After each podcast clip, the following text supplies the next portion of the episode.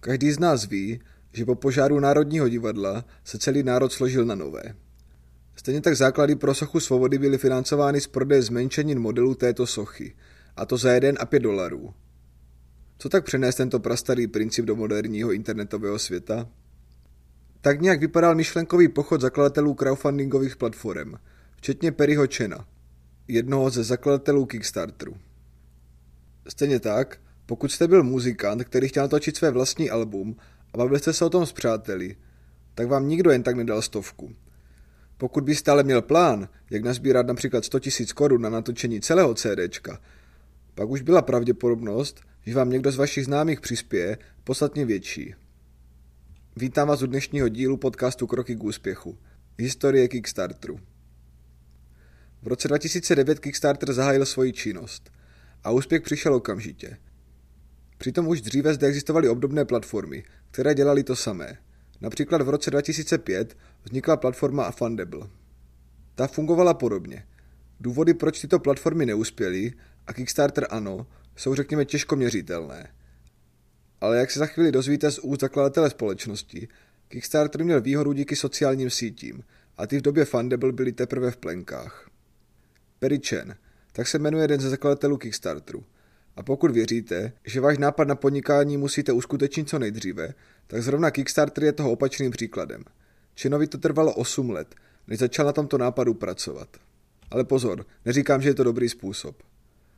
Chen a jeho kamarádi neuměli programovat a jakékoliv změny na webové stránce prováděli, aniž by stránka byla dostupná pro veřejnost. Takže celý jejich koncept testovali pouze na sobě a ne na zákaznících. Chen se narodil v roce 1976 v New Yorku. Jeho otec byl učitel a matka sociální pracovnice.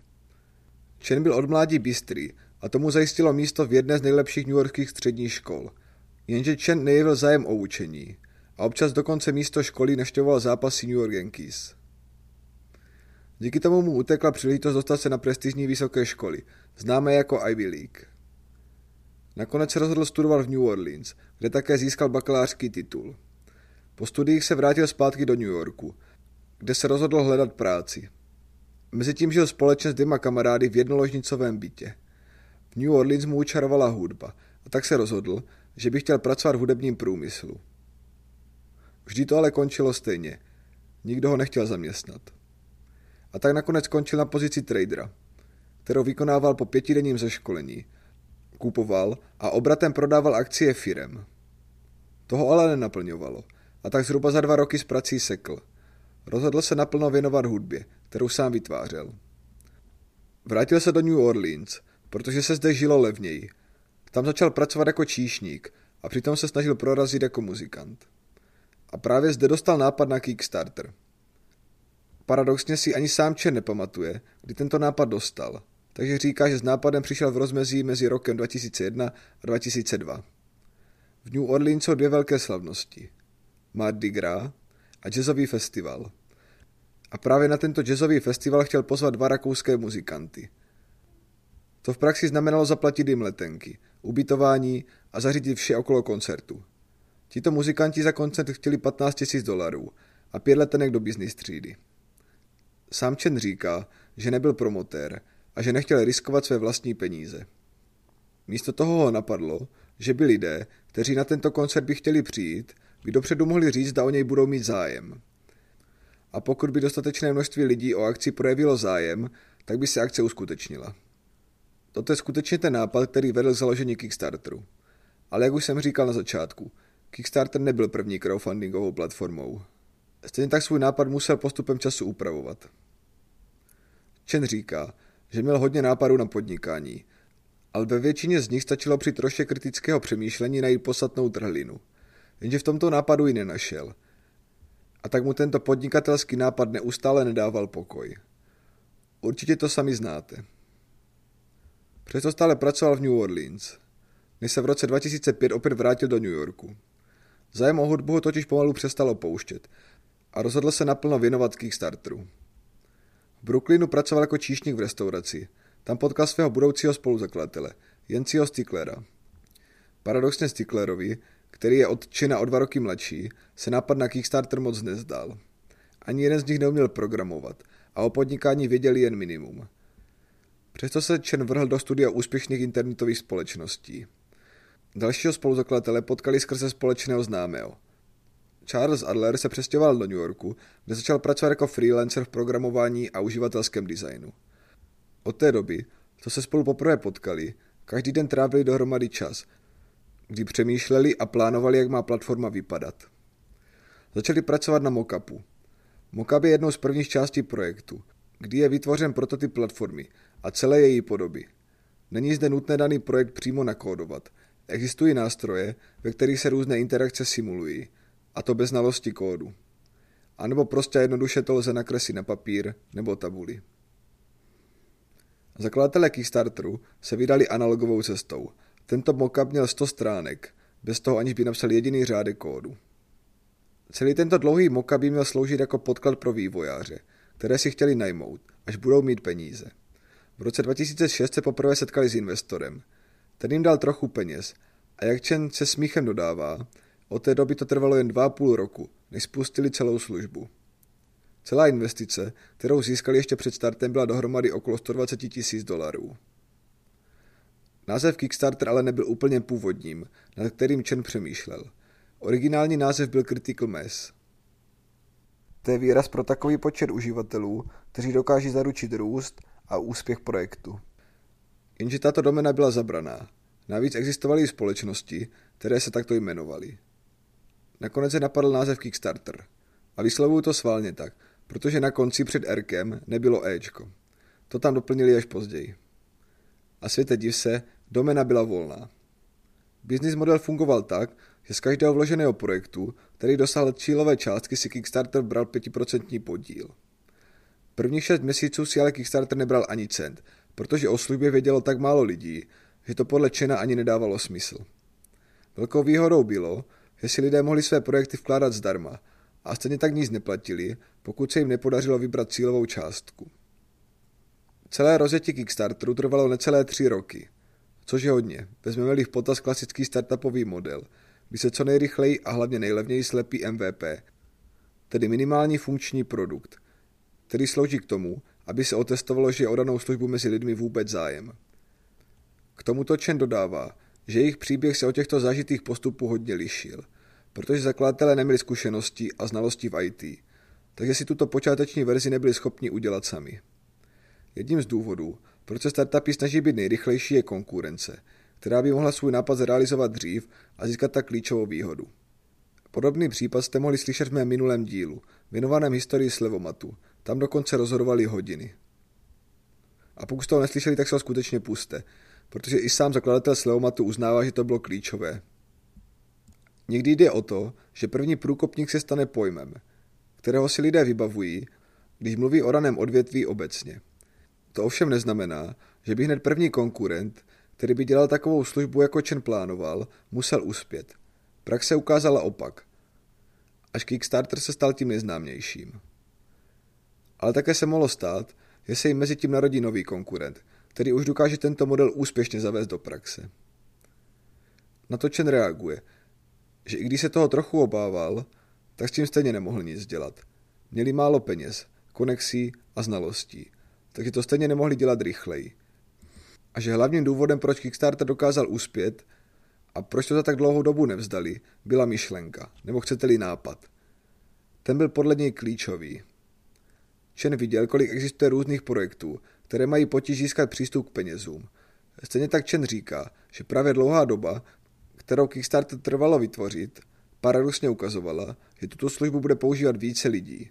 Zejména díky sociálním médiím se navíc lidé mohli o zajímavých projektech dozvědět více. 18 měsíců před startem Kickstarteru, taky malý slovní obrat, zahájilo svoji činnost Indiegogo.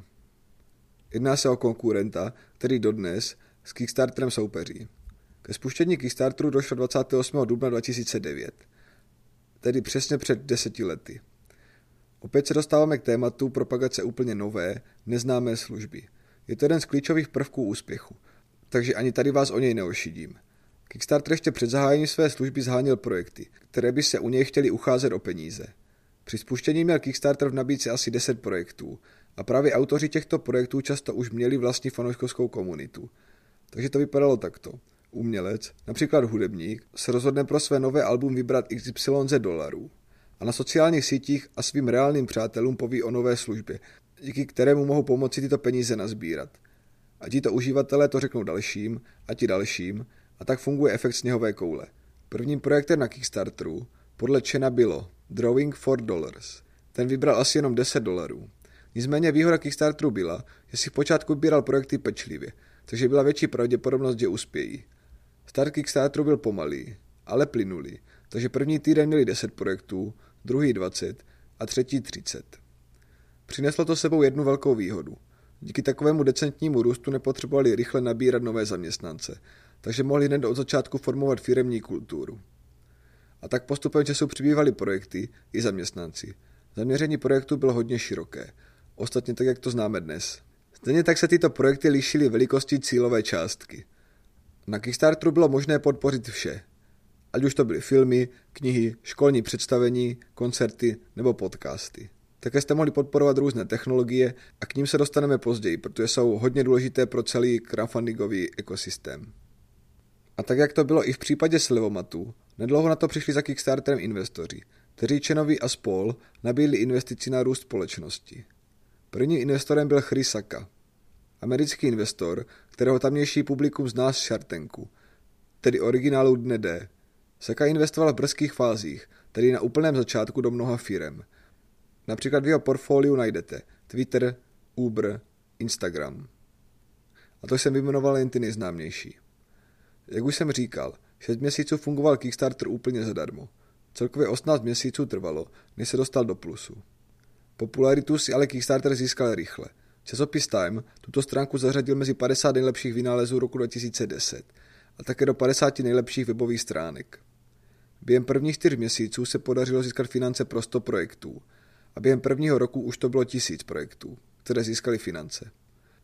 V druhém roce fungování už Kickstarter spouštěl tisíc projektů měsíčně a v roce 2013 a v roce 2013 to bylo více než 3200 projektů, které každý měsíc zahájili svoji kampaň. Až v roce 2012 Kickstarter expandoval do dalších zemí. Konkrétně se na platformě mohly prezentovat projekty z Velké Británie. V tomto roce pomohl získat Kickstarter 274 milionů dolarů pro různé projekty. V tuto dobu měl okolo 55 zaměstnanců a jeho příjmy byly okolo 14 milionů dolarů. V roce 2013 přišla na řadu Austrálie, Kanada a Nový Zéland. V roce 2014 se zpřístupnil Kickstarter projektům z Dánska, Jirska, Norska, Švédska a Německa. O rok později Kickstarter stoupil do Francie, Španělska, Rakouska, Belgie, Itálie, Lucemburska a Švýcarska. Stejně tak začal cílit na azijské trhy. Bylo možné přidávat projekty ze Singapuru a Hongkongu. A v roce 2016 přibylo Japonsko a Mexiko.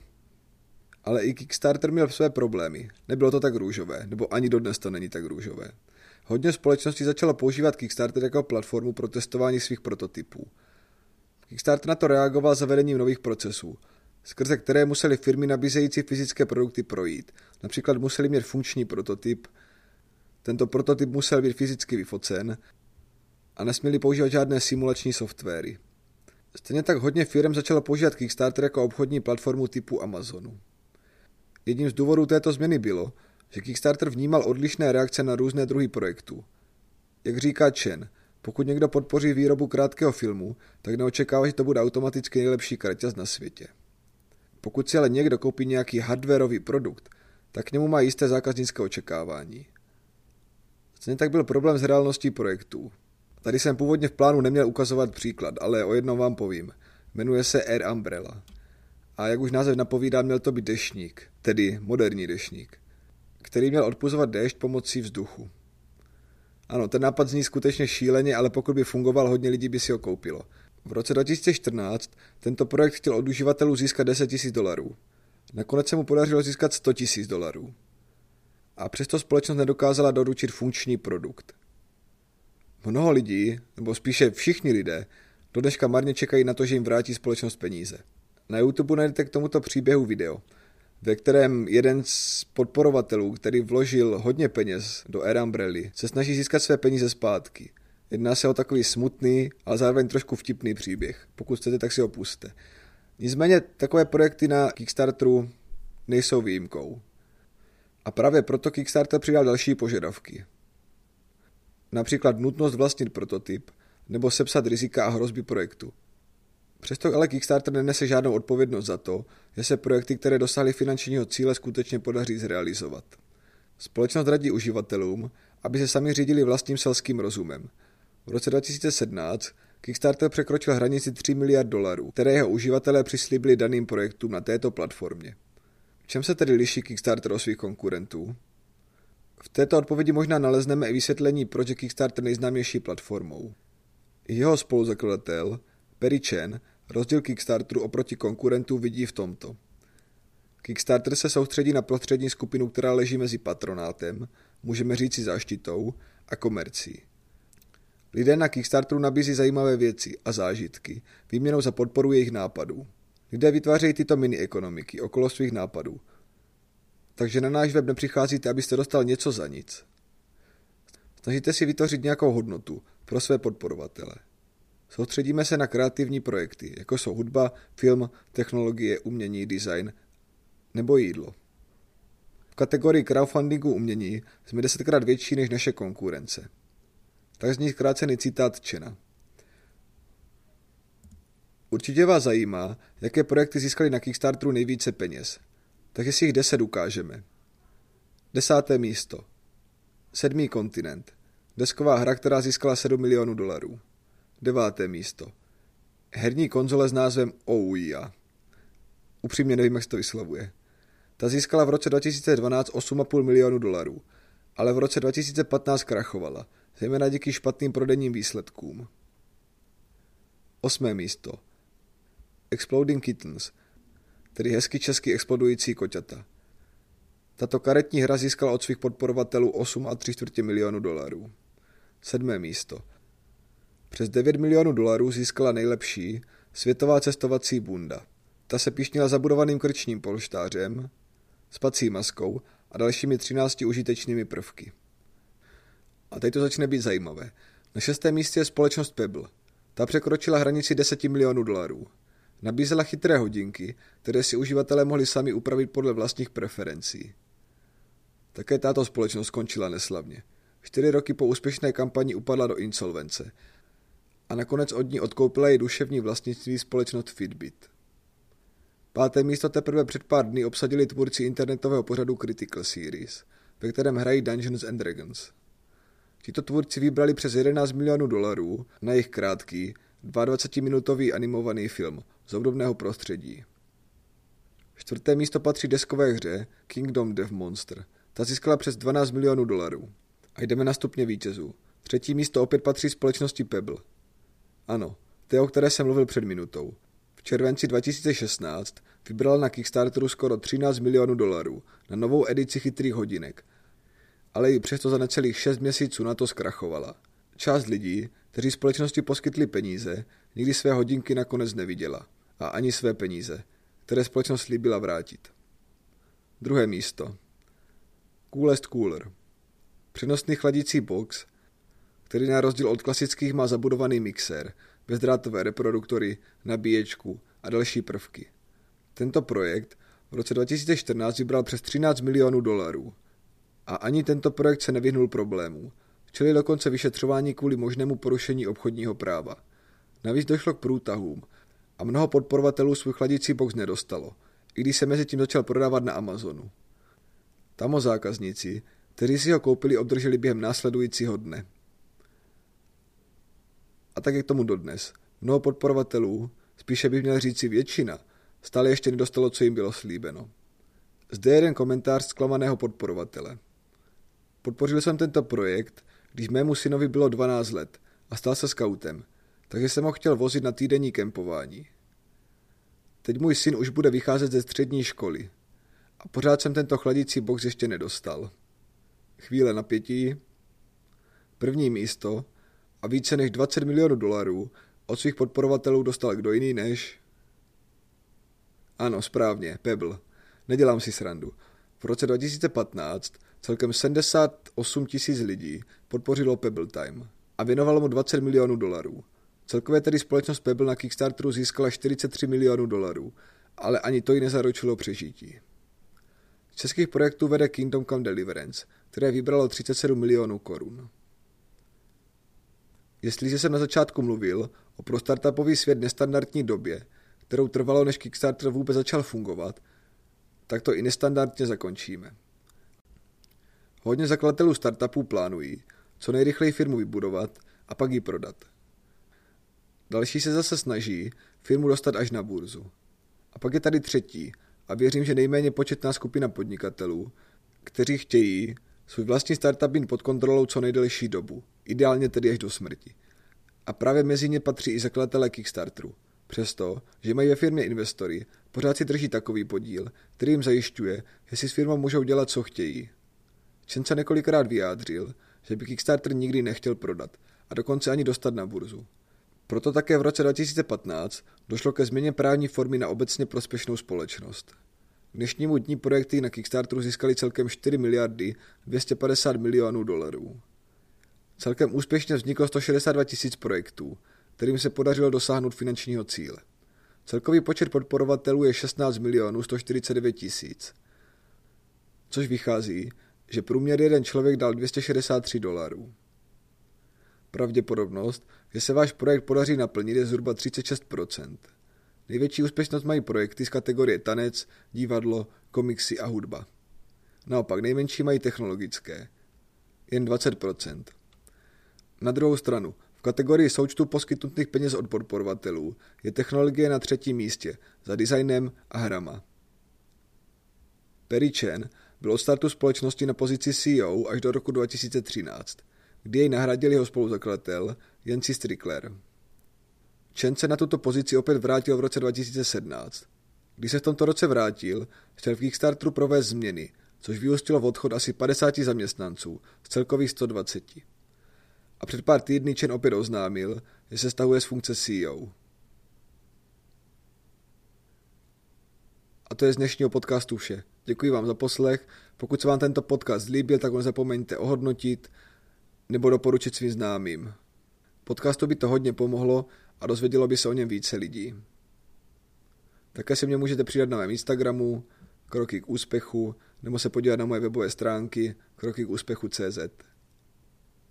Naslyšenou příště.